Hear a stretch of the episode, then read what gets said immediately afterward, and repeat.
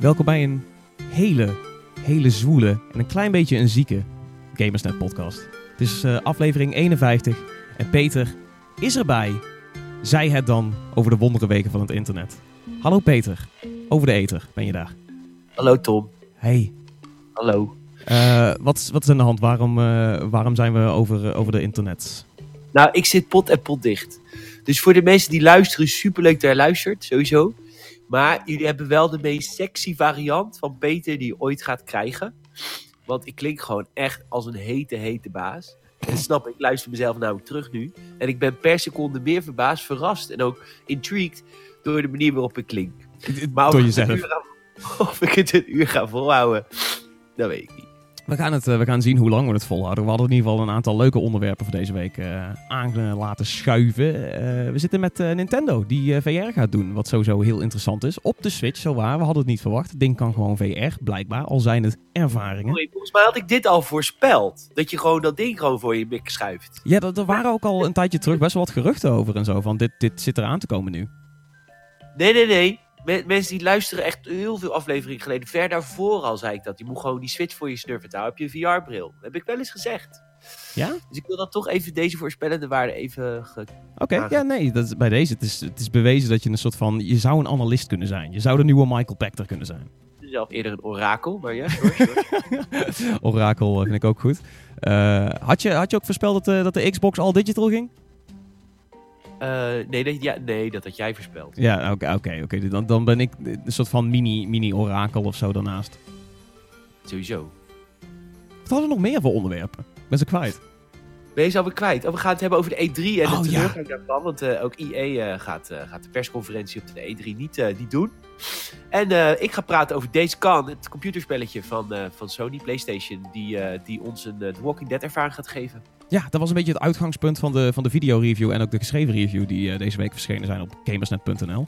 Um, zullen we daarmee aftrappen? Omdat dat toch wel eens een beetje is van wat heb je deze week gegamed? Dan kun jij zeggen van ja, pss, Days ja, Gone. Ik weten wat jij deze week hebt gegamed. Oké, okay, ik heb deze week echt te veel Trials Rising gespeeld en ik zit weer uh, te diep weer helemaal terug in Sea of Thieves. Dus voor mij is het ook, het, het is best wel een saaie week als je, als je vaker de podcast luistert van oh, hij is, hij, is weer, hij is weer terug op die twee dingen. Klaar.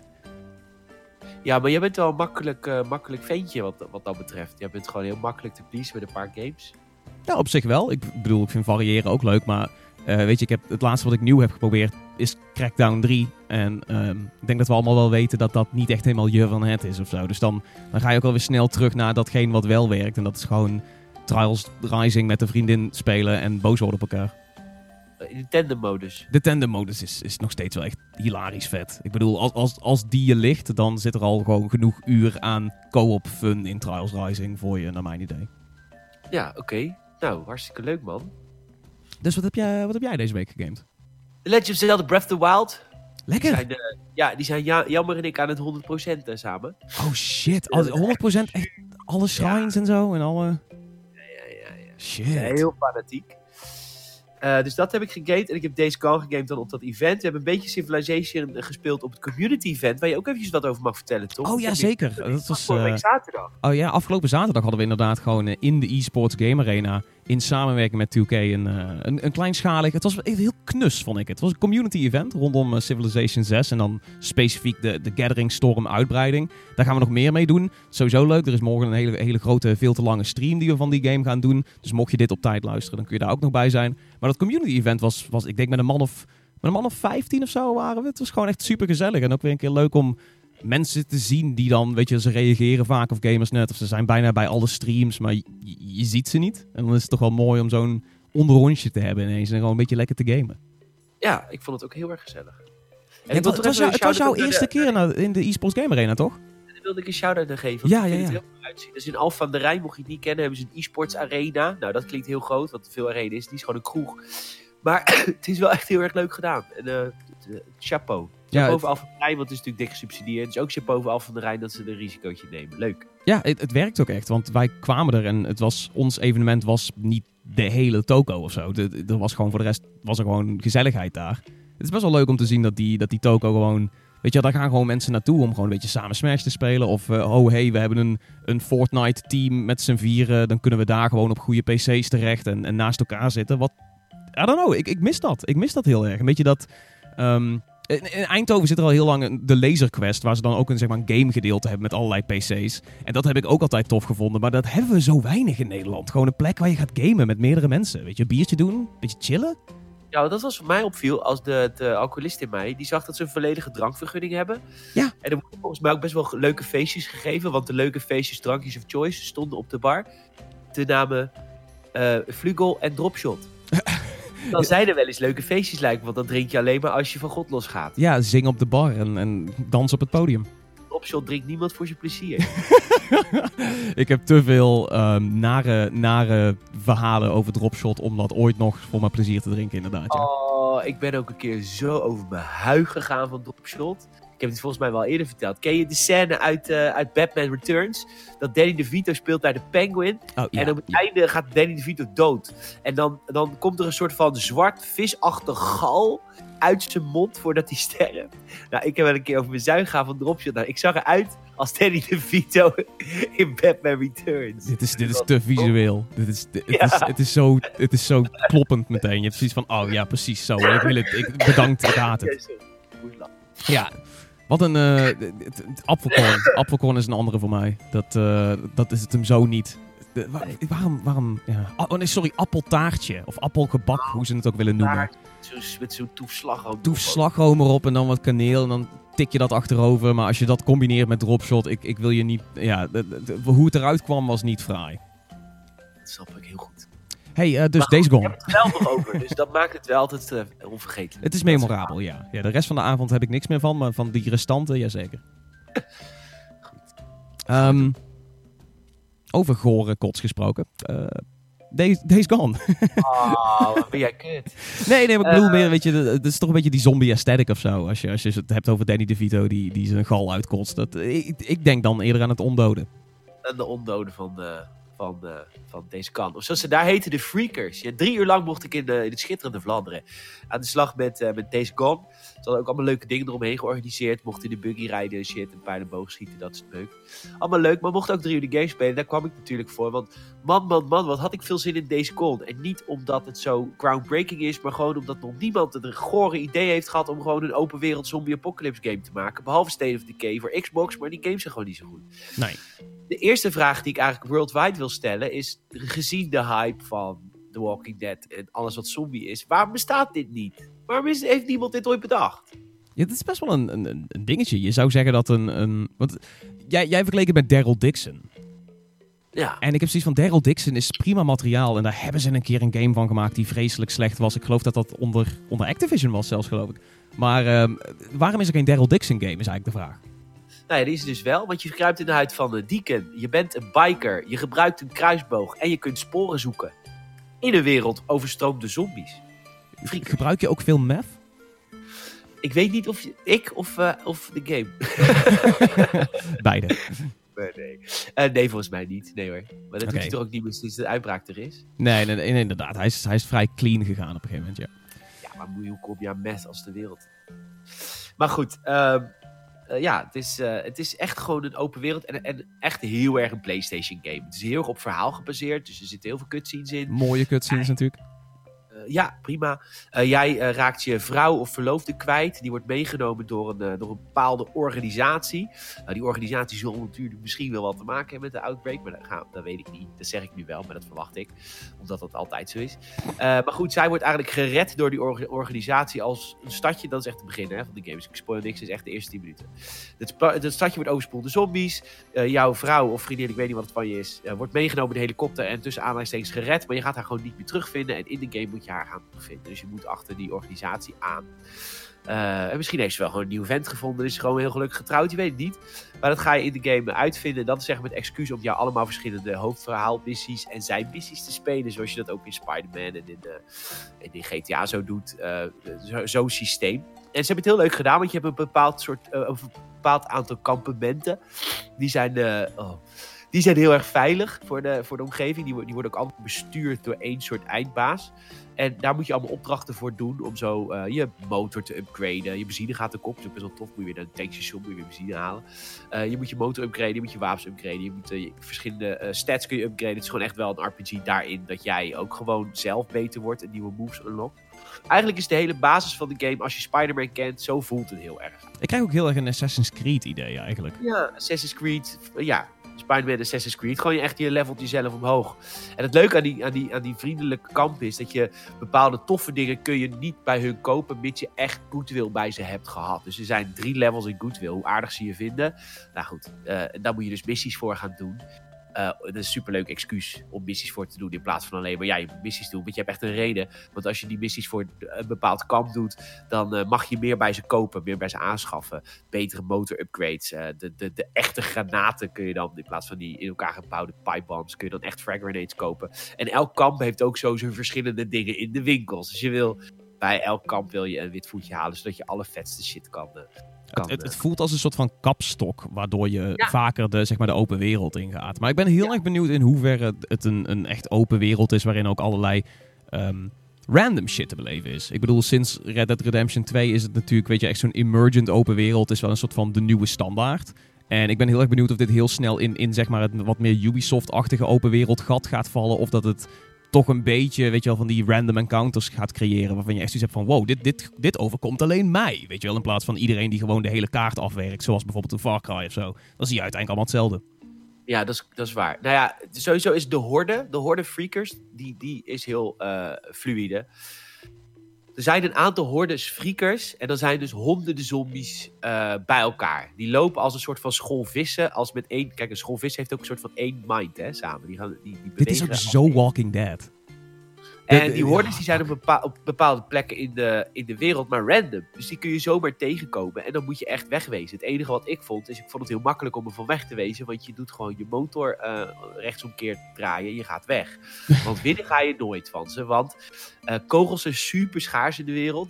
Je kunt ook elke encounter kun je eigenlijk wel doen met stealth en met je, je handwapens. Handwapens, dat klinkt heel cool, maar dat is gewoon whatever je in de wereld vindt. Dat kan een blok hout zijn, dat kan een honkbalknuppel zijn, dat kan een, eh, hoe heet het, zo'n ijzeren breekijzer zijn. Wat je ook maar vindt in de wereld, je kunt altijd één handwapen meenemen. Het is fucking bruut, want je slaat echt gewoon de hoofden van die freakers in. Ze zijn wat, wat brozer, volgens mij ook sowieso. Ja, ze zijn echt gewoon hard, lekker. en je, komt, je bent gewoon echt achter dat je gewoon heel weinig kogels hebt. Je zal heel vaak zonder kogels zitten. En hoe, waar vind je kogels? Nou, als je de politiewagen ziet, dan ben je echt heel erg blij. Want je kan de, de achterkant kun je openmaken. Je, er zitten natuurlijk heel veel kogels en shotguns in, want het is een politiewagen.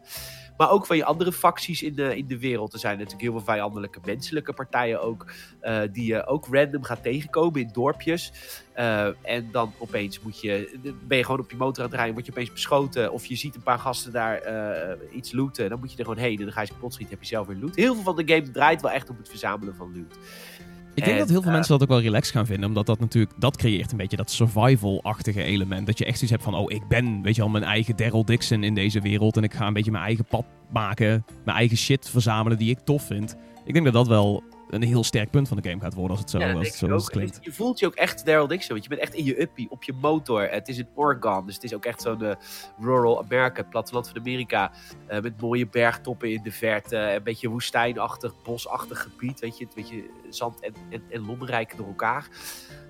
super mooi. En ehm, het, overigens is de game niet heel mooi als je bijvoorbeeld zoomt een beetje verrekijker, dan ziet het er echt niet uit.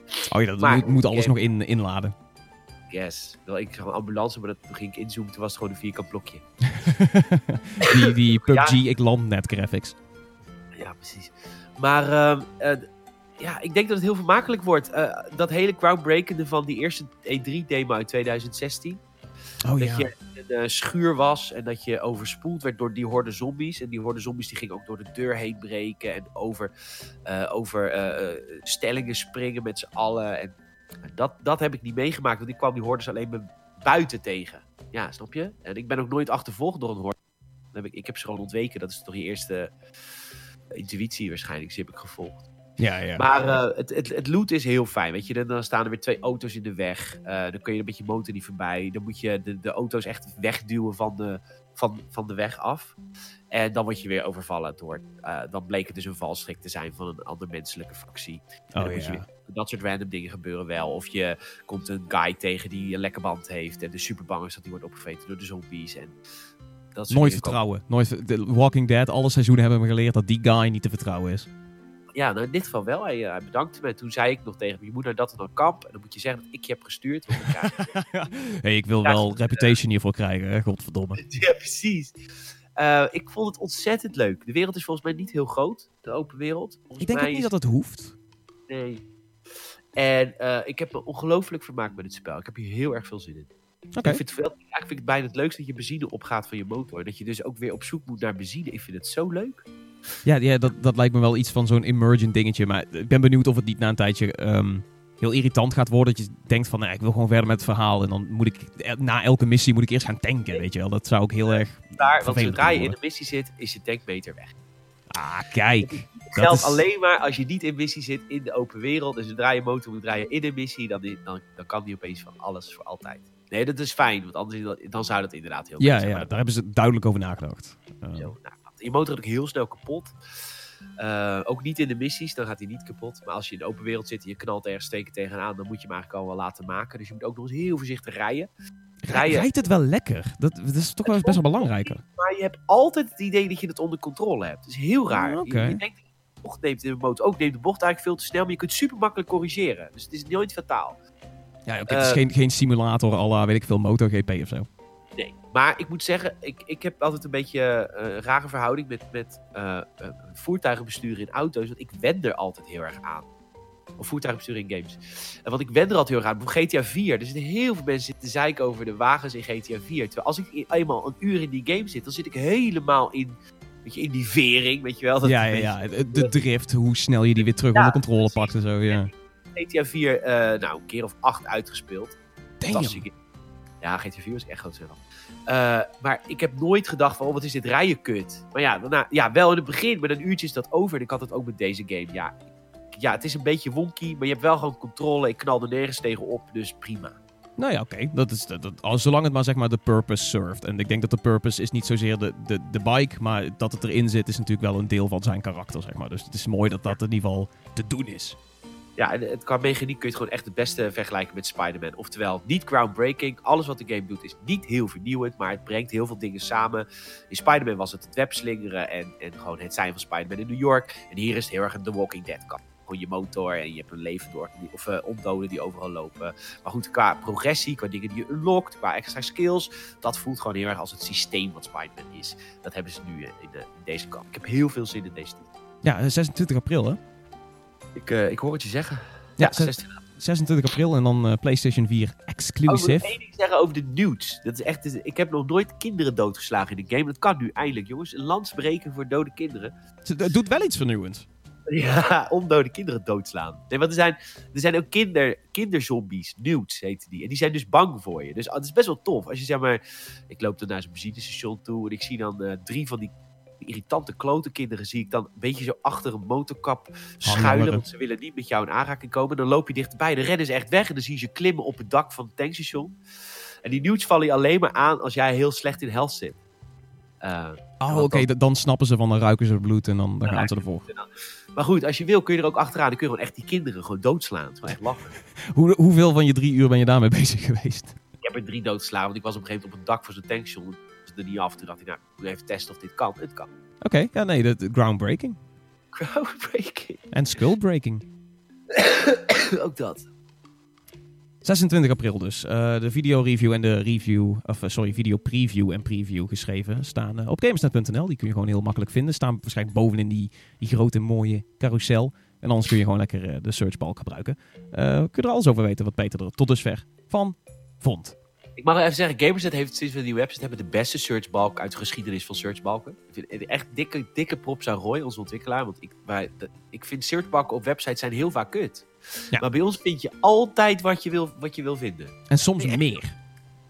Het is vaak meer, want hij vult het aan of zo nog met, met artikelen waar dan het woord in staat. Hij doet Ik- volgens mij eerst doet hij een lijst met echt waar het in de titel staat. En daarna komt de rest van de lijst waar de, de titel in de artikel staat, maar niet de titel. Ik, vind, ik ben altijd verbaasd. Dat is heel erg leuk, want wij maken ook, wij hebben natuurlijk een website sinds 2000, 2000 1999, maar er staat nieuws sinds 2004, staat volgens mij op de website 2003 al. Dus soms kun je echt linken naar super oude games. Van lees ook nog even de review van Mortal Kombat 9, weet je wel, dat is echt super vet. Ja, de stijl is ook zo anders als je die oude nieuwsberichten en zo ziet. Gewoon de, de, destijds was gewoon een andere era in berichtgeving online of zo. Het is bizar. Ja, Dat, dat hebben we gewoon nog meegemaakt en dat staat nog gewoon in onze... spelfouten en zo. Ja, spel smileys in nieuwsberichten. Zo van, oh ja, die Nvidia heeft iets aangekondigd. Weet je wel, de, de eerste videokaart, eh, het smiley face. Het is super weird, maar ehm, dat heeft wel, heeft, wel iets, eh, heeft wel iets vets, ja. Hey, ehm, je gaat dit jaar naar E3. Nou, waarschijnlijk niet. Maar oh, oké. Oh, je begint nu, nu is het punt dat je gewoon begint te twijfelen of we überhaupt wel moeten gaan. Ja, want het is een, eh, een hele grote investering. En ik, eh, begin, eh, ik begin, mijn moed begint een beetje in mijn schoenen te, te kruipen. En het was een belangrijke E3 voor mij persoonlijk geweest, want het zou mijn tiende zijn. Maar ik ben me daar nu van af aan het zetten. Want als er gewoon niet geen relevante shit komt, ja, wat moet ik daar dan nog? Ja, oké, even, even korte backtrack. E3 is natuurlijk altijd het, het jaarlijkse game-evenement in, in Los Angeles. De grootste van de wereld, zeggen ze wel eens. Het is eigenlijk niet echt de grootste qua bezoekers, maar het is wel Belangrijk. altijd degene... Ja, het is, de, het is wel de grootste aankondiging op plaatsvinden. Maar PlayStation heeft al afgezegd. EA zegt nu een soort van, in ieder geval hun persconferentie af. Maar er is een ding over EA en dat is dat ze al jarenlang niet echt meer op E3 zijn. Zij hebben hun eigen EA Play, openbare soort van gratis evenement waar ze hun eigen games tentoonstellen. Maar dat is dan heel toevallig ook in Los Angeles tijdens de E3. En dat gaat nog wel door. Maar ze hebben nu ook gezegd van we hebben geen grote persconferentie om dat mee af te trappen. Dat is volgens mij voor het eerst in... Man, dat moet misschien wel tien jaar of zo zijn geweest dat EA gewoon geen persconferentie heeft. Nee, eh, heftig. Heftig verhaal. Alleen vraag ik me altijd wel weer af, wat moet EA aankondigen? Ehm, ze hebben twee titels, Command Conquer. En die eh, Star Wars titel. En dan FIFA en Madden. FIFA en Madden en eh, misschien Respawns, een Titanfall project daarnaast nog. Het zou wel gek zijn als het een E- E3 zou zijn waarop je twee Respawn titels krijgt. De Star Wars titel en de, de Titanfall spin-off extra ding. Misschien is het drie, het was niet drie geloof ik, maar het is in ieder geval iets. Ze hebben ook nog een VR-ervaring in de, in de work zitten. Misschien is dat wel iets met Titanfall. Het is best wel, ja, ze zijn een beetje door hun, door hun kruid heen heb ik het idee. Nou, EA mag wel echt eh, respawn op de blote knieën danken. Want anders was het gewoon... Had ik me echt heel erg afgevraagd of EA nog wel zou bestaan. Het is echt dat Apex Legends er nu is. Dat het wat ze echt redt. Want het was echt, eh, ook met Anthem, het is, het is echt drama na drama met EA. Het is Ja. niet zelf gelokt. Want dat is gewoon, het is natuurlijk in de kern is het een, is het een rot bedrijf geworden. eh, die gewoon niet van gamers houdt. En niet van game. Dat is het probleem. Kijk, we maken allemaal kut. Kijk, ik heb ook al heel lang een bedrijf. Ik maak kutbeslissingen.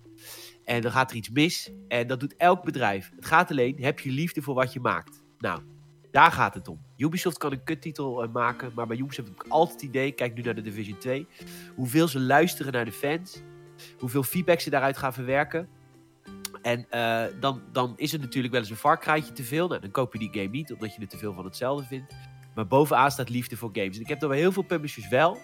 Maar bij EA heb ik dat al gewoon al vijf jaar lang niet meer. Ik heb gewoon het idee dat ze gewoon, het interesseert ze geen ene reet meer wat gamers vinden. Het gaat gewoon alleen maar om de cash. En we willen allemaal geld verdienen. Dat is allemaal prima. Maar als het in je soort van DNA zit, dat je een een of andere... Alleen al dat je zo'n CEO neerzet op je persconferentie, zo'n gladde, Andrew Wilson. voor een vuile uit. Dat zegt al dat je gewoon... Dan, dan zie ik liever Yves Guillemot. Daar kunnen we heel veel memes over maken. Over die, die Fransman van Ubisoft die niet kan praten. Echt niet. De crew. De crew. Dat is, maar is fantastisch. Maar die man die houdt van games. Die heeft gewoon met zijn eigen familie de aandelen teruggekocht van Vivendi. Omdat hij gewoon niet wilde dat Ubisoft zou worden overgenomen. Terwijl als hij voor de cash zou willen gaan. Joh, EA had, eh, had al lang eh, zijn bedrijf verkocht aan Vivendi. Die dacht lekker cashen. Daar gaat het om. En dat is er bij EA gewoon helemaal mis. Toen hebben ze Respawn gekocht. Ja, dat is een tijdje terug. Respawn doet het fantastisch, maar vervolgens krijgt Respawn van EA weer niet de liefde die je zou verwachten. Ik bedoel, als je kijkt naar... Respawn heeft gewoon een kut, kut, kut beslissing gekregen dat ze een exclusiviteitsdeal hadden met Xbox. En de Xbox ging falen. Daar konden ze niks aan doen.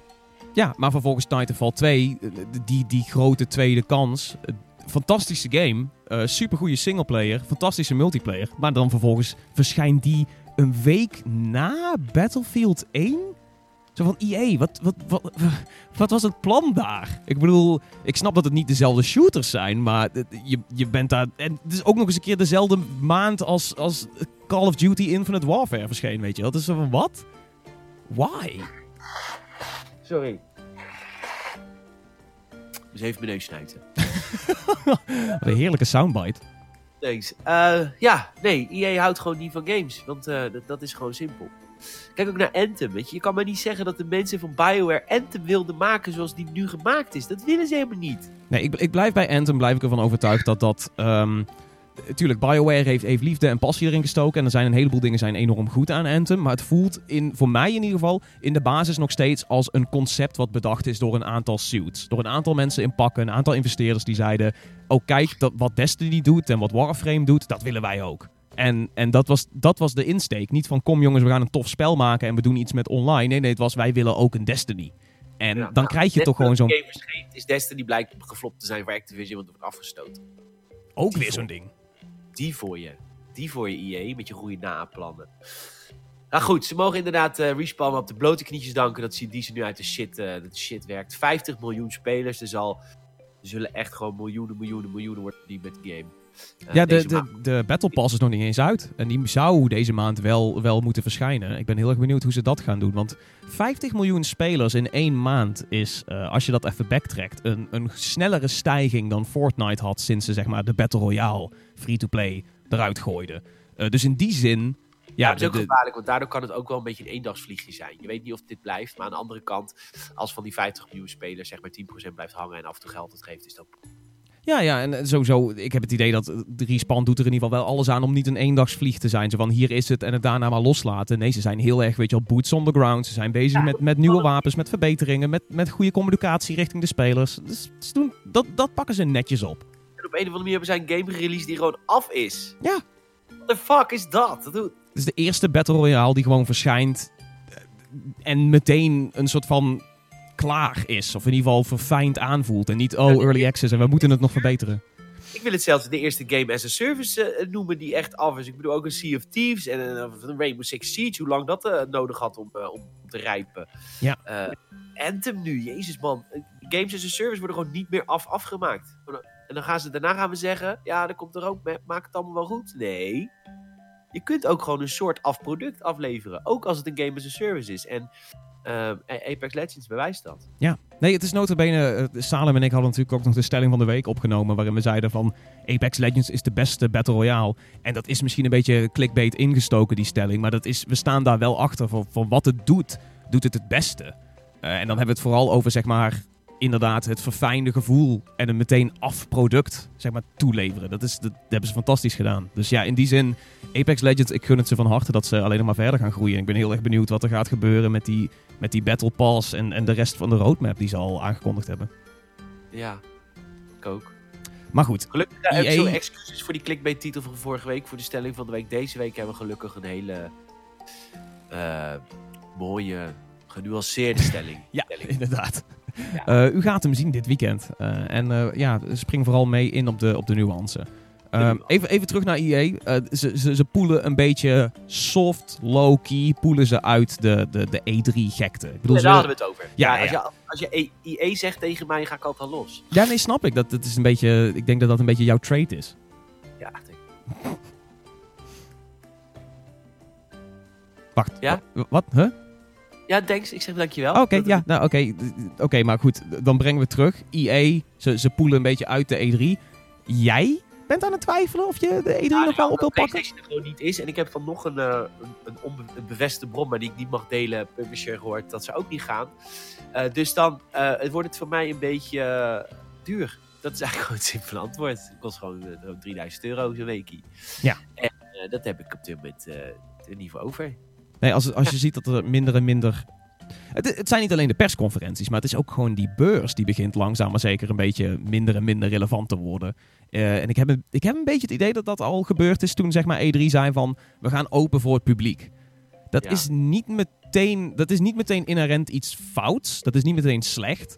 Maar het, is, het, het het wijst zeg maar wel aan van, oh, wij willen eigenlijk op een andere manier ons, ons geld verdienen, want op deze manier vinden we het niet meer echt rendabel. En het heeft wel aangekondigd dat de beurs, zoals we hem kennen, eh, aan het veranderen was. En nu, zeg maar twee jaar later, beginnen we toch echt wel te zien dat dat...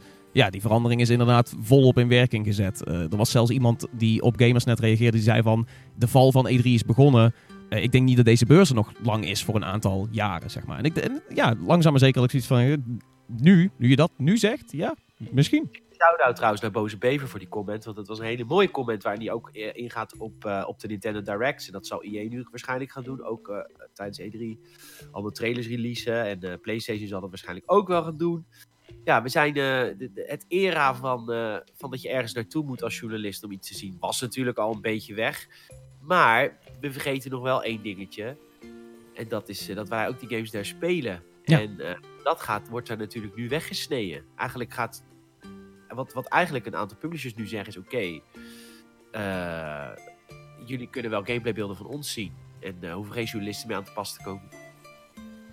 Wat best wel bizar is. Ehm, Ik weet niet. Kijk, eh, het is natuurlijk het grote Spider-Man debacle van, eh, van twee jaar geleden geweest. Toen ik echt, echt grote twijfels had over die game. En ik ben altijd de eerste die me fout toegeeft. Want het is echt een fantastische game geworden. Maar twee jaar geleden was het zo kut wat ze lieten zien. ja, maar dat is wel belangrijk dat daar, over, dat daar berichtgeving over is, zou ik zeggen. En toen ging ik dat dus zeggen. En toen werd ik dus afgezekerd door, game, door een Gamers bezoek. Die zei, ja, maar ik heb een trailer gezien. Het was wel vet. Ja, Nou, goed, een trailer is natuurlijk... gelijk gekregen. Dat is Ja. waar, toe. Maar het is gewoon wel vreemd dat je, dat je, niet, dat je geen mensen meer hands-on hebt die kunnen zeggen van luister. Want het is ook niet alleen voor onze lezers en onze luisteraars en onze kijkers. Het is ook naar de publisher zelf hè, en naar de ontwikkelaar zelf. Het grote voordeel dat jij vroeg een game laat zien aan journalisten is ook dat jij heel vroeg feedback krijgt van diezelfde journalisten. Ja. Ehm, en ik ben ervan overtuigd dat game reporters ervoor zorgen dat games beter worden. Ja, nee, inderdaad. Omdat wij... Ja, het is natuurlijk een beetje pretentieus om dat te zeggen, maar we zijn wel een klein beetje natuurlijk de waakhonden in, in, in dat opzicht. En dan vind ik, het, eh, eh, vind ik het relevant om bijvoorbeeld Watch Dogs erbij te halen. Niet alleen terminologisch gezien, maar eh, Watch Dogs was natuurlijk een game waar als er meer zeg maar, hands-on demo's van tevoren waren geweest, dan hadden we die, die downgrades en dergelijke hadden we aan kunnen zien komen, omdat er dan berichtgeving over was. Maar instead kregen we geen hands-ons en kregen we alleen hele mooie trailers van Ubisoft. En dat leidde tot het hele debakel waarin ze eigenlijk gewoon iedereen voor hebben gelogen. Ja, Ehm, en dat is eh, niet pijn gedaan bij Watch Dogs, want Watch Dogs heeft supergoed verkocht. Maar dat heeft daarna wel lang pijn gedaan bij Ubisoft. Want die hadden heel lang daarna die namen van geloven meer hoe jullie games eruit zien. Ja, precies. En daarom kan het voor hun ook heel nuttig zijn om juist journo's binnen te laten en te zeggen van kijk, dit is, dit is waar we mee bezig zijn en dit is hoe het is. Wel een slecht voorbeeld, want die zijn nog wel elke dag of elk jaar super groot op E3. En dan kunnen we Ja. altijd alles spelen. Ja, over het algemeen is dat, ook, eh, dat wel de case. eh, ook bijvoorbeeld, en dat, daarom is de game ook zo lang uitgesteld. eh, die piratengame met die schepen. Skull and. Bones. Ja, die hadden we kunnen uitbrengen, maar dat was gewoon niet goed geweest. Het komt ook omdat journalisten dat hebben gespeeld en hebben gezegd: ja, luister jongens, het is gewoon eigenlijk niet goed spel. Nee, Ja, dat, dat was ook jouw uitgangspunt. Ja, Dus, E3. Ehm, gaan we gamers net daar aanwezig zien of zit- zitten we met z'n allen thuis? Ja nou leuk toch? Vind ik ook gezellig. Nou, oké, ja. Het is, het is wel een, het is een, het is een hele verandering. Ja, Het is absoluut. wel echt een, een soort van kering in de. In, in ieder geval in onze berichtgeving en langzaam maar zeker ook gewoon in de industrie. Dat, ja, maar misschien is het ook helemaal niet erg. Want we bedoel, er zijn ook nog heel veel eh, trips waar we wel bij zijn. Ik bedoel, wij eh, mochten deze kan ook nu spelen. Ja, eh, maar ik heb het idee dat als E3 in verval begint te raken, dat dit soort kleinere evenementen, die, die vangen al die coverage wel een beetje op natuurlijk. Want eh, wat je natuurlijk krijgt is als, als een uitgever eh, zijn geld weghaalt bij E3 en zegt van nou dat gaan we niet meer doen, dan hebben ze een ander potje dus om te zeggen oh we gaan selectief zelf onze eigen journalistenkampen gewoon uitnodigen om, om heel specifiek weet je wel te laten zien als we er klaar voor zijn in plaats van iets pushen voor E3. Ja, en eh, de YouTubers betalen zodat ze positief over, over hun games praten. Dat vind ik zo raar. Dat, dat, dat zit nog steeds in het plan van EA. Ze zeggen, we zijn, we zijn niet op E3 met een persconferentie. We zijn ernaast. Maar we gaan wel weer focussen op creators. En ik heb het idee dat dat echt voor Nou, geen reet werkt.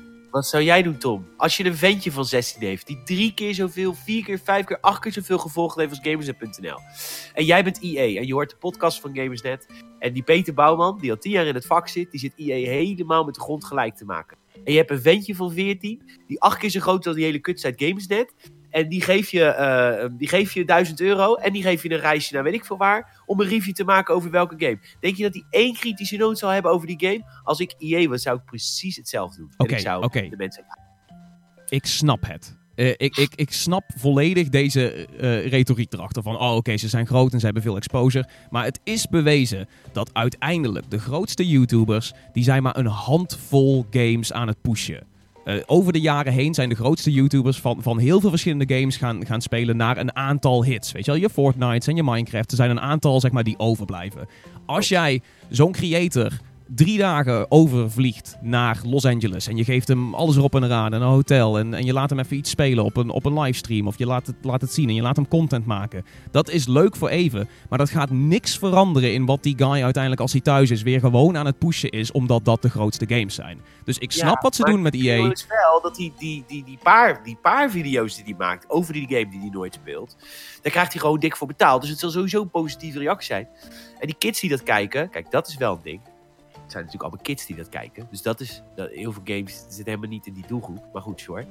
Eh, maar goed, wat hij zegt is dan wel positief. En dan heb je wel eventjes een heel hoog bereik. En dat is ook belangrijk voor die uitgevers. Ja, oké, het is, het is leuk om het bereik te communiceren, maar ik, ik, ik betwijfel gewoon ten zeerste of het echt iets, iets van invloed heeft. Eh, ze, ze leunen er heel hard op, ze zijn ze helemaal die creators op aan het hemelen, wat natuurlijk ook logisch is, want het is nu een hele grote nieuwe soort media.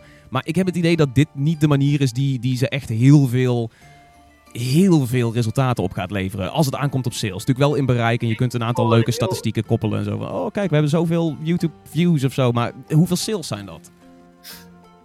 Nou, nou oké, daar heb ik off record wel eens wat over gehoord. En dat schijnt wel echt de sales te, te, omhoog te, te brengen. Maar goed, ehm, in sommige gevallen. Anyhow, het blijft, het blijft een markt voor ons. Ik wij richten ons op de gamers. En gamers, zoals wij ze zien, zijn geen eh, kinderen die Fortnite spelen. Gamers, wij zien gamers als mensen die verder kijken dan alleen de games die ze spelen. En gewoon geïnteresseerd zijn in de industrie. Eh, en dat betekent dat heel veel games, als bijvoorbeeld, ik heb hier toevallig liggen, een Metro Exodus. Weet je, die zal nooit bij YouTubers eh, in de gratie zitten. En dat is de meerderheid van games. Dus het blijft voor ons wel een markt. Alleen het is wel zo dat echt voor die grote, hele grote games met heel veel budgetten, ja, dat we heel vaak zullen worden overgeslagen. Je merkt tegelijkertijd wel dat als er bijvoorbeeld een, eh, een trip is voor, voor, eh, hoe heet het? voor een Total War game, wat natuurlijk echt een game voor ons is, of een Anno, of een, weet je wel, of of een shooter die niet helemaal in die top tier zit, Rage 2 bijvoorbeeld. Ja, Oh ja, dan zijn wow. wij natuurlijk, dan is Gamersnet de site waar je naartoe gaat. Of een van de sites. Dan ga je eerder dan naartoe naar, dan naar een YouTuber. Maar het is wel zo voor de Call of Duty's van deze wereld. Ja, dan is het echt wel veel minder gamejournalisten en veel meer eh YouTube.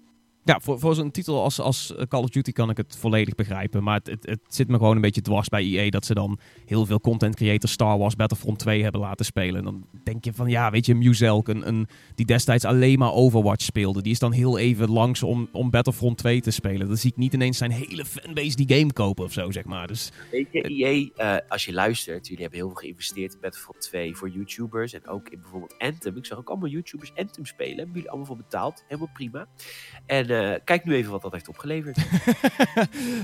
echt alleen die, eh, die, die nare worst case scenario's er nou bij halen om bij hun in de PowerPoint te Ze hebben vlotten. er steeds meer. Er zijn steeds meer worst case scenario's bij EA. Ja, ja, ik bedoel, sowieso was die persconferentie was al drie jaar lang elk jaar weer raak voor de cringe-compilaties. Ook omdat ze die YouTubers dan regelen af en toe.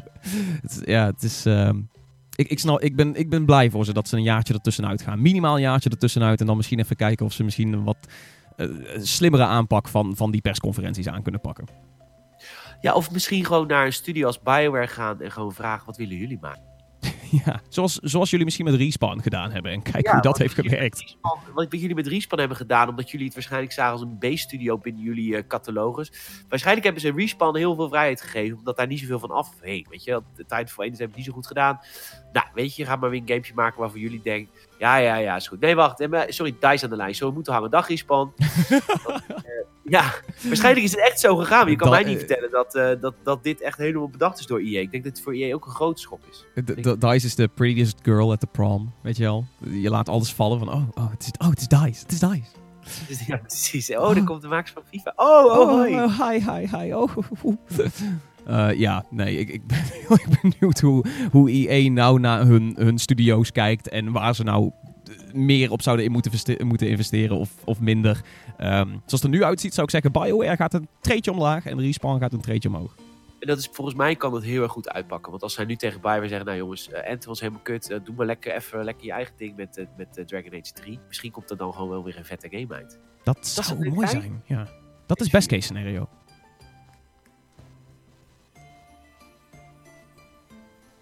Doodse stilte.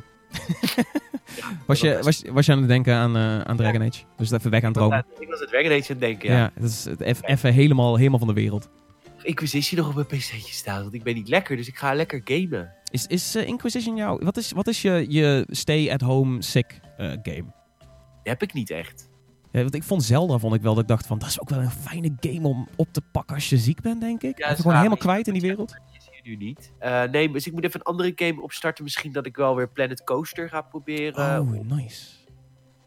Ik ga het wel zien. Misschien ga ik wel even me storten in, eh, in Apex. Oh, ik dacht, ik dacht Trials misschien, maar... Trials. Hey, eh, gek nieuws. Of in ieder geval, ja, jij zag het dan misschien aankomen. Maar Nintendo Switch en VR. Jij zag hem aankomen. Nou ja, ik, dat, het is toch niet zo gek als je een mobiele telefoon voor je knakker kan zetten en je hebt dan eh, een game, een VR-ervaring, dan kan het natuurlijk ook met de Nintendo Switch. Ja, maar ik ik vind het wel wel leuk dat je dan meteen aanhaalt dat het dan een VR-ervaring zou zijn. En dat is het ook wel een beetje geworden op de Switch. Ik bedoel, het is Nintendo Labo, heel specifiek, die VR-ervaringen aan gaat bieden. Dus je gaat een, eh, een eend in elkaar vouwen van een kartonnen doos en daar steek je je Switch in en vervolgens kun je via de reet van die eend een eenden-ervaring beleven in, in VR. En zo zijn er volgens mij zes scenario's, als ik het goed heb. Ja, nou, volgens mij vijf, want ze noemen de VR-bril ook als een scenario. Maar ik vind, Ja, misschien dat daar een videootje of zo in te zien is dan. ah ja, misschien. Nou, Ja. je hebt, eh, ja, het is leuk. Het, het- ja, we gaan het zelf verbouwen. Ik, ik, ik heb al heel veel zin in de tutorials met Salim. Die zijn er was sowieso wel succesjes. eh. Jullie hadden ze niet allemaal gedaan, toch? Het robotpakket is... Robotpak niet, maar dat, vond, dat was echt dat was een tien uur tutorial geweest. Dat Ja. We hebben wel alles van pakket 1 gedaan. Pakket 2 trouwens ook niet. We hebben nooit opgestuurd gekregen door Nintendo trouwens. Oh, ik dacht dat, eh, dat eh, een andere redacteur van ons daarmee aan de slag is gegaan. Maar daar ben ik me nu ook een beetje aan het twijfelen van, is dat wel zo? Of heb ik dat gewoon gedroomd? Nou ja, anyway, ja. Jullie pakket zal ik wel, eh, zal ik Nintendo even mailen, want dat vind ik wel leuk. Dus er komt een VR-bril in, er komt een knaller. Dat vind ik ook weer zo mooi dat ze een gun gewoon weer kindvriendelijk hebben gemaakt door hem een knaller te noemen. Ja, die doet pieuw pieuw en dat is hartstikke leuk. Eh, we hebben een fototoestel. Nou, dat is een groundbreaking. Pokémon nog, ik denk Snap! serieus dat de meeste mensen, de doelgroep van dit, de labo, de labo doelgroep weet niet wat een fototoestel is. waar, je, waar je zelf aan de ring moet draaien om scherp te Ja. stellen. Ja, maar hoe die eruit ziet is gewoon als een analoge fotostel. Ik denk dat heel veel kids niet weten hoe dat eruit ziet. Wat is dit voor een rare videocamera? Jawel, dan zien ze dat, eh, dat hun favoriete YouTuber daarmee filmt. Die gebruikt zo'n videocamera, niet zo'n fotocamera. Goed. Oké, je hebt de olifantpakket. En dan, moet je echt je, dan heb je een soort slurf in je handen. Hartstikke leuk. Een windpedaal? Ja, windpedaal, die snap ik. Ja, ik denk dat je dan, als je erop trapt, dat er dan een soort van, van dan gaat er iets bewegen, waardoor er een soort van windstoot gecreëerd wordt. Maar misschien dat dat iets gaat doen dat je dan, dat je dan, weet je wel, sommige van die VR-ervaringen, als je dan heel snel gaat in de achtbaan, dat er dan wind in je gezicht waait of zo. Weet ik veel. Extra immersion. I guess. En je hebt de vogel. Dan ga je waarschijnlijk vliegen. Een soort van Eagle Flight van Ubisoft misschien. Ja, maar het, het Eh. leuke is dus wel, het zijn allemaal ervaringen. Maar je, je bouwt ze dus zelf. Dat is denk ik, net als met de andere Labo-pakketten, een beetje het grote ge- gameplay-gedeelte tussen aanhalingstekens, is het bouwen van die pakketten. Maar vervolgens krijg je dan dus, net als met de andere Labo-dingen, een soort van kleine, losse, gecondenseerde ervaring. Niet echt een hele game of zo. Nee, dat denk ik ook niet. Maar ik, eh, ik ben wel benieuwd naar de techniek hier. Dat gaat ook, dat is ook, mijn interesse is ook niet in de spellen. Mijn interesse zit hem natuurlijk in de techniek. Want als dit werkt, en het werkt een beetje goed op klein niveau, dan kun je het natuurlijk ook groter brengen. Ik, ik snap ook nog steeds niet waarom we geen Mario Party Labo hebben. Ja. Dat je spelletjes in elkaar moet zetten. Nou, dat je echt als een soort van, eh, hoe heet het? Dat je echt als een soort van bordspel, zelf een bordspel gaat maken, IRL, en dan spelletjes gaat doen met je Switch, die je ook... Ik snap niet, dan, dan zou Labo namelijk wel verkopen. Ten eerste omdat er Mario op staat, maar ten tweede omdat je dan echt leuke soort van dingen die in games zitten, namelijk bordspellen, gewoon naar het echt haalt. Dat je zelf het bordspel kan maken, dat je voor verschillende minigames andere, eh, weet ik veel... eh, Knutselwerkjes, ja. Puzzelwerkjes moet gebruiken. Een raceje doen, weet je wel. Twee van die, van die beetjes. Je had in het Labo-pakket één had je zo'n soort van, van autootje. Nou, doe een raceje met je vrienden, weet je wel. En, nou, dat Dat is wel shit. heel lastig, want dan moet je twee keer die game hebben, twee keer labo, twee switches. Eh, ik snap wel dat dat misschien te moeilijk is. Maar wat je zegt is wel al deels zijn ze er een beetje mee bezig. Want dat vehicle pakket, dat derde labo pakket, die heeft een update gekregen. Waardoor die dus eh, dat stuur wat je kan maken, dat werkt nu in Mario Kart 8 Deluxe. Ah, wat vet. Dus Ja, in die leuk. zin zou ik, ik hoop het dat dan, weet je wel, als je dan een, een, die, die, die filmbril hebt gemaakt of zo, weet je, die VR-bril in dat labo-pakket, dat je dan bij verschillende games inderdaad een, een bonusfilmpje of wat dan ook kan krijgen. Dat je, dat je iets in VR nog daarnaast kan doen. Weet je, dan combineer je en die game en de Switch en VR eh, op best wel een soort van Nintendo-eske manier, als zou ik het zelf zeggen. Ja, en sowieso de Mario Labo game. Sorry, kom op. Als je wil verkopen, dan doe je dat toch? Waarom, waarom is dat pakket een vogel? Waarom is dat pakket niet zo'n vogel uit een een of andere Mario game? Ja, die kun je zelf maken, want dat is ook het ding van Labo. Ja, dan ga je er zelf op tekenen en dan ga je er zelf iets opplakken. Dat zou natuurlijk maar wel dat je ook rondvliegt in de wereld van Mario. Oh, rond ja. een Pietje kasteeltje. Weet je, dat soort shit. Oh, dat je rond kan vliegen als de duck in Duck Hunt en neergeschoten kan worden. Voilà, zoiets. Maak iets grappigs. Maar bedoel een beetje bekende franchise. Ik vind het zo raar dat ze dit niet koppelen met een andere franchise. Ik, ik kan ook geen reden bedenken. Ja, Het is juist superleuk om, om dingen te bedenken van kleine subcharacters uit, eh, uit, je, uit, je, uit je game. Ik bedoel, eh, hier die VR-bril. Hoe vet zou het zijn dat je dan zeg maar, de vis kan zijn uit Mario? Dat je dan Mario even ziet zwemmen. Ja, dat is ook een ervaring. Het hoeft ook niet groter te zijn. Maar dat zijn al leuke dingen waarvan mensen denken, gelijk, denken van... Oh, dat is herkenbaar, dat is vet, dat ken ik. Kun je het alsnog zelf in elkaar bouwen. Maar dan kun je het een beetje wat meer thematiseren. En geloof me, dan verkoop je wel veel van die kartonnen doosjes. Ja, plus je, je, je, je laat kinderen, want dat is natuurlijk, de doelgroep is natuurlijk wel een beetje kinderen, die introduceer je ook weer met andere Nintendo-properties. Dus in die zin zou het heel erg, ja, nogmaals Nintendo-achtig zijn om zoiets te doen. Naar mijn Waarom? idee. Je maakt een fototoestel. Ik denk gelijk Pokémon Snap. Ja, Pokémon Snap was meteen, was, daar zat ik meteen aan te denken van, hoezo is, dit, is, hoezo is er niet een edition op Pokémon Let's Go? Van, oh, maak, een, maak foto's van je Pokémon, weet je wel, in de VR Pokémon Snap-modus. Weet ik veel, Hoe vet is, dat? dat is een inkoppertje Nintendo. Dus ik snap dat niet helemaal. Maar ja, Ja, goed. het is- ik ben wel heel erg geïnteresseerd in techniek. Want als de techniek werkt en goed werkt, dan, eh, dan kan dit eh, toffe dingen opleveren. Ja, ik zie, ze, ik zie ze alleen nu niet meer heel snel een losse, niet-Labo VR-bril uitbrengen. Misschien als het heel populair is. Maar nu ze dit hebben gedaan, zie ik het niet meer echt in Nintendo's stappenplan om te zeggen van... Oh, we gaan ook nog, weet je wel, een plastic barebone eh, ding maken waar je je Switch inschuift. En dat is dan onze VR-bril of zo. Nu ze hiervoor zijn gegaan, heb ik zoiets van, dan gaan, dan gaan ze gewoon op Labo. Dat is het ding dan. Ik weet het niet. Ja, ik, ik, ik ben benieuwd, maar ik, ik, ik zou het zelf niet verwachten. Sorry, wat? Ik, zeg het, het een sluit het ander volgens mij niet uit. Nee, nee, nee, dat zou ook kunnen, nee. Maar ik, ik ben gewoon heel erg benieuwd wat ze ermee gaan doen. Maar dus, er waren ook al een aantal mensen op Gamersnet die zeiden van... Ja, ik zie dit niet, niet, niet zeg maar slagen. Misschien ook omdat Labo in het verleden niet echt aangeslagen heeft. Ja, Nintendo communiceert dat natuurlijk niet. Maar wij kennen heel veel mensen die in gamewinkels werken. En Ja. een aantal ken, dan krijg je al wel een beetje een beeld van... Oké, zo doet die game het ten opzichte van die game. En één ding staat als een paal boven water. Labo loopt niet goed. Ja, nou ja, dat, dat is dus een beetje... Ik denk dat best wel veel mensen dat in hun achterhoofd hebben. Dat het niet een enorm succes is geweest of zo. Ik bedoel, je hoort ook heel weinig mensen erover. Hm? Dat is onze drone. Wat is onze droom? Onze drone was ook speelgoed van het Oh, jaar. oh, oh, de drone. Ja, nee, dat was... Ja, het is het speelgoed van het jaar geworden. En, en dat, kun je dat niet gewoon afkopen? Ja, vraag me dus af. Als onze drone speelgoed van het jaar is geworden, die wij gereviewd hebben een paar jaar geleden, waar we nog steeds fucking veel views op hebben op YouTube krijgen. En mensen ons haten, dat wij die drone afzeiken. Dat is gewoon een kutproduct. Maar ja, weet je, het kost 30 euro, dan mag je alles maken blijkbaar. Ja, Ik, eh, ik ben gewoon benieuwd of er nou gewoon, weet je wel, lobbyisten zijn die voor bepaald speelgoed de jury proberen te beïnvloeden, weet je wel. Ze een mooie sigaar geven. Ja, precies. Van, oh, neem deze sigaar en een goed glas whisky. En laten we het hebben over mijn drone die je kan kopen bij de apotheek voor 30 euro. ja, nee. Ja. Eh, heel apart. Maar heel erg benieuwd. Wanneer, wanneer was er een eh, tijdschema voor wanneer de, de Ah. Labo VR komt? 12 april. 12 april is wel snel. Is wel snel. Ja, dus eh, we zitten nog allemaal volop in VR voordat we Days Gone op gaan pakken. Ja. Hey, de Xbox. Eh, het, het, is, het is gebeurende. Ze gaan, ze gaan all digital. De Xbox One S, all digital edition. Ehm, het is nog niet officieel aangekondigd, maar de geruchten zijn dermate hardnekkig dat je ervan uit kunt gaan dat er een nieuwe Xbox One S komt die geen optische schijf heeft. Bizar. Ja, ik heb er niet zoveel over te zeggen. Het is, het is wat we al best wel lang speculeren. Ja, maar dan hebben we het over de nieuwe generatie met alle streamen en zo. Ja, ja, Dat- maar heb jij niet het idee dat dit, dat dit een soort van prelude is daarop? Dat dit een soort van testcase is? Van, de- de- want het is Het is niet... Xbox One. Het is, niet, het is geen streamservice, het is een Xbox One. Ja, ja, maar je- het feit dat ze alles soort van laten zien van niet alles hoeft meer op de console. Ja.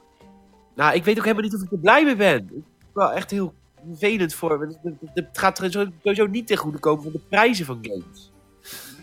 Ik Nee. ik heb het spel gezet, je kan niks meer tweedehands aanschaffen. Ik weet niet of ik er heel erg blij mee ben. Ik bedoel, ik vind een streaming service tof. à la Netflix. Want dan kun je een abonnementje nemen, kun je heel veel games spelen. Dat vind ik echt vet. En als dat een nieuwe generatie is, vet. Maar ik zie, zolang dat er niet is, vind ik een digitale Xbox One, vind ik gewoon een Xbox One waar ik mijn games niet van kan ruilen. Oké, ik- ik- de Xbox One die ik heb, ik stop er zelden een, een disc in op het, op het moment. Eh, bijna alles, alles, is, alles komt digitaal binnen. En ik heb het idee dat je zegt, er is nog niet echt dat Netflix voor games. Maar dat is natuurlijk wel al in the works als je ziet hoe hard Microsoft gaat en al eh, lang gaat op de Xbox Game Pass. Ik denk dat dit een Xbox wordt die ze vooral willen pushen met, waarschijnlijk komt er weet je wel een maand of twee maanden of drie maanden Xbox Game Pass bij. Dat ze laten zien van, hey, het hoeft niet meer allemaal fysiek. Wij zorgen dat je altijd games hebt om te downloaden en om binnen te halen. En Ja. niet, niet om, om super biased over te komen of zo, maar de Xbox Game Pass is een best wel goede service voor de prijs die ze nu aanbieden. Ik bedoel, momenteel is het dan 2 euro en je hebt wel 100 plus games. En natuurlijk, ze zijn niet allemaal even goed. Maar eh, ook na die 2 euro, weet je, t- 10, 10, 12 euro per maand betalen en honderden games hebben waar een aantal gewoon ijzersterke tussen zitten. Eh, ik vind dat best wel een, een, een goed alternatief. Ja, maar ik vraag me toch af of als je alleen die games zou kopen die je echt wilt, je dan niet de belangrijkste gekopen uit bent. Als je ze ook fysiek zou kunnen kopen, tweedehands, dan, eh, Nee. dan wel. Ja, het is, ja, Game Pass. Ik zou niet weten wat ik moet spelen in de Game Pass nu. Sea of Thieves? Verder? Eh Forza Horizon 4 is wel een sterke. Er zitten nu ook wat, eh, wat Halo's bij. Volgens mij de Master Chief Collection zit er tegenwoordig in. Eh, je krijgt er ook best wel wat third-party dingen. Maar bijvoorbeeld ook, weet je wel, je Recore, je State of Decay, Crackdown 3. Just Cause 4 is er recentelijk op verschenen. Shadow of the Tomb Raider is een tijdje terug aangekondigd. Hellblade. PUBG tegenwoordig ook. Ja, zijn natuurlijk allemaal geflopte games. De Shadow of the Tomb Raider is... Nee, ik bedoel Shadow of the Tomb Raider nou wat ik eigenlijk zei. Shadow of the Tomb Raider nou, zijn het allemaal games die niet hebben gebracht wat ze moesten brengen. Nee, nee, nee als, we, het- als we het hebben over Crackdown 3 en State of Decay 2 ben ik het helemaal, eh, helemaal met je eens. Sea of Thieves is natuurlijk een beetje een smaakgevalletje, eh naar mijn idee. Maar Forza Horizon 4 is een, is een hele, hele nette toevoeging als je het mij vraagt. Maar je doet ook Record. Ja, Rico is, valt dan weer net in dat die rare periode in de Xbox One catalogus dat, er, dat ze echt niet uit de voeten kwamen. Maar goed, Eh. eh, prima. Ik, eh, er komt een nieuwe Xbox One S. Alleen ik vind de relevantie niet zo groot. Totdat er een, een nieuwe Xbox of Xbox Service komt waarin we dat kunnen streamen. Ja, ik, ik denk dat dat er heel binnenkort aan zit te komen. Ik verwacht dat dat sowieso met E3 moet dat, een, eh, moet dat vorm gaan krijgen. Dus ehm, als er nu geruchten circuleren over dit ding. Als je ook gaat kijken naar de, de Xbox One reveal. eh, weet je nog dat toen de Xbox One werd aangekondigd dat ze daar achteraan toen nog zeiden van... hey, de Xbox 360 heeft nog een nieuwe editie die lijkt op de, op de Xbox One. Er kwam toen nog één laatste Xbox 360 uit voor een, voor een, voor een zeg maar, rennerprijsje. Eh, ik heb een beetje het idee dat dit, wat we nu zeg maar, waar we nu de geruchten over, eh, over horen, dat dat zeg maar de, die laatste Xbox One is die ze nog pushen, terwijl ze zeg maar die, de transitie maken naar de nieuwe generatie. Ehm, dus ik, ik weet niet, dat is ook maar extra eh, poleren, maar ik heb het idee dat, dat daarin de relevantie schuilt. Dat dit misschien, weet je wel, de laatste Xbox One gaat zijn. Tom, mag ik wat, wat vragen? Ja. Zijn alle Xboxen uitverkocht? Absoluut. Absoluut niet. De, Nee. Waarom maak je niet gewoon je Xboxen die je al... Nou, laten we ook alleen al uit milieuoverwegingen. Waarom maak je je oude lekkere Xbox One S niet gewoon 100 euro of 100 dollar goedkoper? Wat ze nu willen gaan doen. Ze gaan dus een goedkopere box maken. Het is niet dat je op de Xbox One S niet kan downloaden. Misschien moeten ze gewoon eens even die Xbox One S en die Xbox One X gewoon even gewoon verkopen. In plaats van dat we weer een nieuwe, nieuwe doos krijgen. Die gaan ze weer ontwikkelen. Weet je hoeveel Xbox One S en X we straks gaan weggooien. Ja, dat is, dat is, dat is wel een dingetje. De, de- de- het- voor het milieu klinkt dit, eh, klinkt dit niet goed. Maar dat is sowieso Kijk, onze hele industrie, Dus toch? snapte ik. Dat idee het heel erg goed. En dat was gewoon bij, bijdrukken. Dan waren ze op en dan maak je een nieuwe editie. Maar ik heb niet het idee dat we Xboxen tekort komen. Nee, nee, nee, absoluut niet. Nee, ik- ja, ik, ik snap in die zin je punt. Maar het is natuurlijk gewoon... Kan ook downloaden op een gewone Xbox hoor. Ja, ja, ja. Nee, absoluut. Dat, dat, dat kan ook. Maar ik, ik vind het meer een soort van bedrijfstechnische zet of zo. Het is inderdaad, als je, als je gaat denken aan oplagen en zo, is het waarschijnlijk ja, een beetje water bij de wijn doen. Maar nee, ik, ik heb wel het idee dat dit een soort van statement moet, moet, meer moet vormen voor Microsoft. Dat ze daarmee bezig zijn, weet je wel. Ja, ik vind het zielig voor de Game Mania vooral. Maar goed, Ja, dat, eh, mm, ja misschien, eh, misschien wel. misschien wel. Maar goed, ook de Game Mania natuurlijk, al die doosjes is ook niet goed voor het milieu. Ja, dat is waar. Maar goed, ik hou altijd van opties. En ik, vind, ik hou niet zo van als opties worden weggenomen. Weet je, ik vind het, er zijn echt heel veel mensen die vinden dus games op schijf gewoon heel erg leuk. Ja, nee, dat, dat snap ik. Ik heb ook nog een hele lange periode in die, eh, in, in die mindset gezeten, ja. En ik vind het prima dat je de keuze hebt. Ik vind het prima dat je kan kiezen om iets te kopen bij de Ubisoft Store. Of te kopen bij Steam. Of naar de winkel te gaan voor een doosje. En dat je dat per game beslist. Ik Red Dead Redemption wil ik gewoon nog steeds een doosje hebben. Maar een game als eh Legend of Zelda wil ik ook nog een doosje hebben. Maar een Mario Party vind ik prima om dat te downloaden. Ja, Ja, die, die snap ik. De, sowieso, het hebben van keuzes is, eh, is heel fijn. Maar, en ja, zou ik de streaming service ook heel tof vinden. Want dat is dan een extra optie. maar je wil dus wel nog steeds altijd een console... Ook al is er een hele goede streamingdienst, wil jij nog steeds de, de, de schijf. Ah, er moet die mogelijkheid kunnen hebben. Ja, oké. Ja, ik, ik denk dat er heel veel gamers zijn die dat sowieso wel met jou hebben. Maar ik, ik, ik heb dat al een heel stuk minder. Ik, ik, ik oordeel niet of de mensen die het willen. Maar ik vind het zo vervelend voor de mensen die dat nog wel willen. Oké, Ik- gaat dat... Ik denk dat er voor hun, ook in de nieuwe generatie... Ik denk dat... dat weet je, we hebben het er al zo vaak over gehad... dat de nieuwe generatie Xbox... dat het eh, twee dingen zijn. Twee, twee soort van pilaren. Eén high-end premium console die alles zelf draait. En één set-top box slash service die, eh, die streamt en dergelijke. Ik verwacht wel dat ze juist met dat premium model... dat ze juist ook wel op die doelgroep gaan zitten en zeggen... je kunt ook nog steeds alles fysiek binnenhalen. Ik hoop het in ieder geval wel. Want inderdaad, als er een nieuwe generatie komt en er is gewoon geen fysieke game meer beschikbaar, dat, dat klinkt ook bedrijfstechnisch gewoon niet slim. Want je hebt gewoon heel veel minder presence in, de- in, de, in de fysieke winkels natuurlijk. En dat is ook gewoon belangrijk. En eh Intertoys maakt een mooie start. Ja. Weet je, de helft van de winkel van Intertoys loopt op bellen. Hè? Ja. Dus inderdaad, het dat- ik, ik heb altijd heel erg het idee van een alles of niets discussie. Alsof winkels niet meer tellen. Winkels tellen nog wel. Alleen, het is alleen nog maar in de grote steden straks. Maar daar loopt het wel. Je wat ik bedoel? Ja, Ik denk ja. dat het heer Hugo Waard geen Game Mania meer heeft. Wat zo vergrijsd is. Dus heel veel mensen die gamen en die jongeren die erop zitten dan online bestellen. Prima, maar in Amsterdam, Rotterdam, Zoetermeer, dat soort middelgrote tot grote steden. Prima winkel. En eh, ja, ik vind dit een beetje, eh, ja, ik vind dit lastig. Oké. Maar je, ja, je ziet hem liever niet verschijnen, heb ik het idee. Nou ja, ik, ik zie liever dat ze gewoon de Xbox One S gewoon 100 euro goedkoper maken. Die gewoon opmaken. Ja, de Xbox One S is best wel vaak ook al in de sale geweest. Ik heb het idee dat je die game, of de, de console best wel vaak met een game en een tweede controller en whatever kon kopen voor, voor 300 euro. Zo, wat ik nog best wel een schappelijke prijs vind. Ja, oké, ik snap het niet. Ik snap, ik snap het gewoon niet. Sorry. Ik denk dat ze hem gewoon niet kwijt kunnen. Ondanks die goede prijzen. Ja, het is, het is een verloren generatie voor Xbox, dat sowieso. Dat sowieso. Hoe is het, eh, hoe is het met je stem? Ja, ik denk dat we klaar zijn.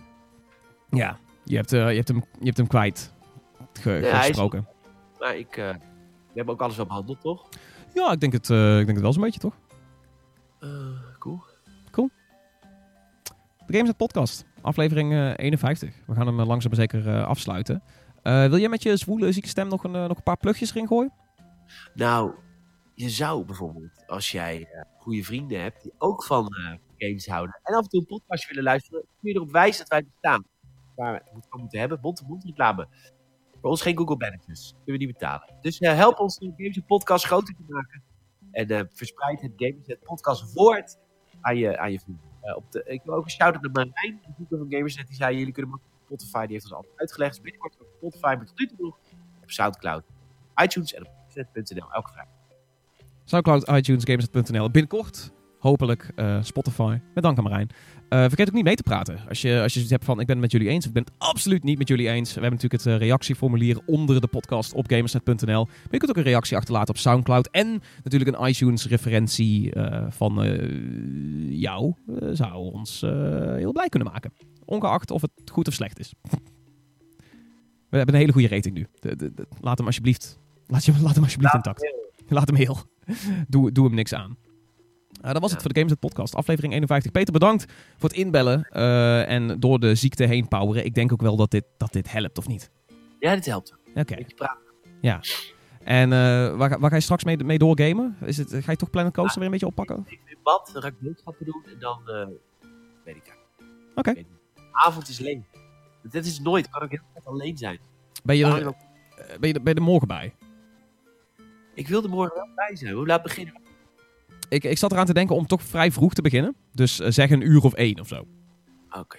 Dus dan willen we vanaf daar eh, veel te veel, veel te lang, veel te slecht Civilization 6 Gathering Storm spelen. Eh, en de verwachting is dat die stream de- de- makkelijk 10 uur zou kunnen bereiken in, in lengte. Want we willen gewoon de... Sorry. Nee, kom maar. Maar- Ik weet niet of dat. Nee, Oh, Oké, maar- ja, oh, oké, dat, dat kan ik me voorstellen. Dan is het misschien zaak dat we dat, dat sommige mensen op een gegeven moment gewoon op kunnen geven. Eh, we zitten sowieso met waarschijnlijk een man of 5 à 6. Dus het kan een aardig lange pot worden. En eh, de mogelijkheid is goed dat zelfs al droppen er een aantal mensen uit, dat die pot nog steeds veel te lang doorgaat. En jij streamt. Ik, eh, ik stream hem eh, vanuit, vanuit mijn toko. Maar ik denk omdat het al zoveel zeg maar, chaos is in verschillende mensen. Dat het gewoon lekker geen facecam wordt. En, eh, en lekker audio en gameplay only. Het wordt gewoon eigenlijk een veel te lange podcast. Terwijl we gewoon een spelletje spelen. Dus tot dan. Doei.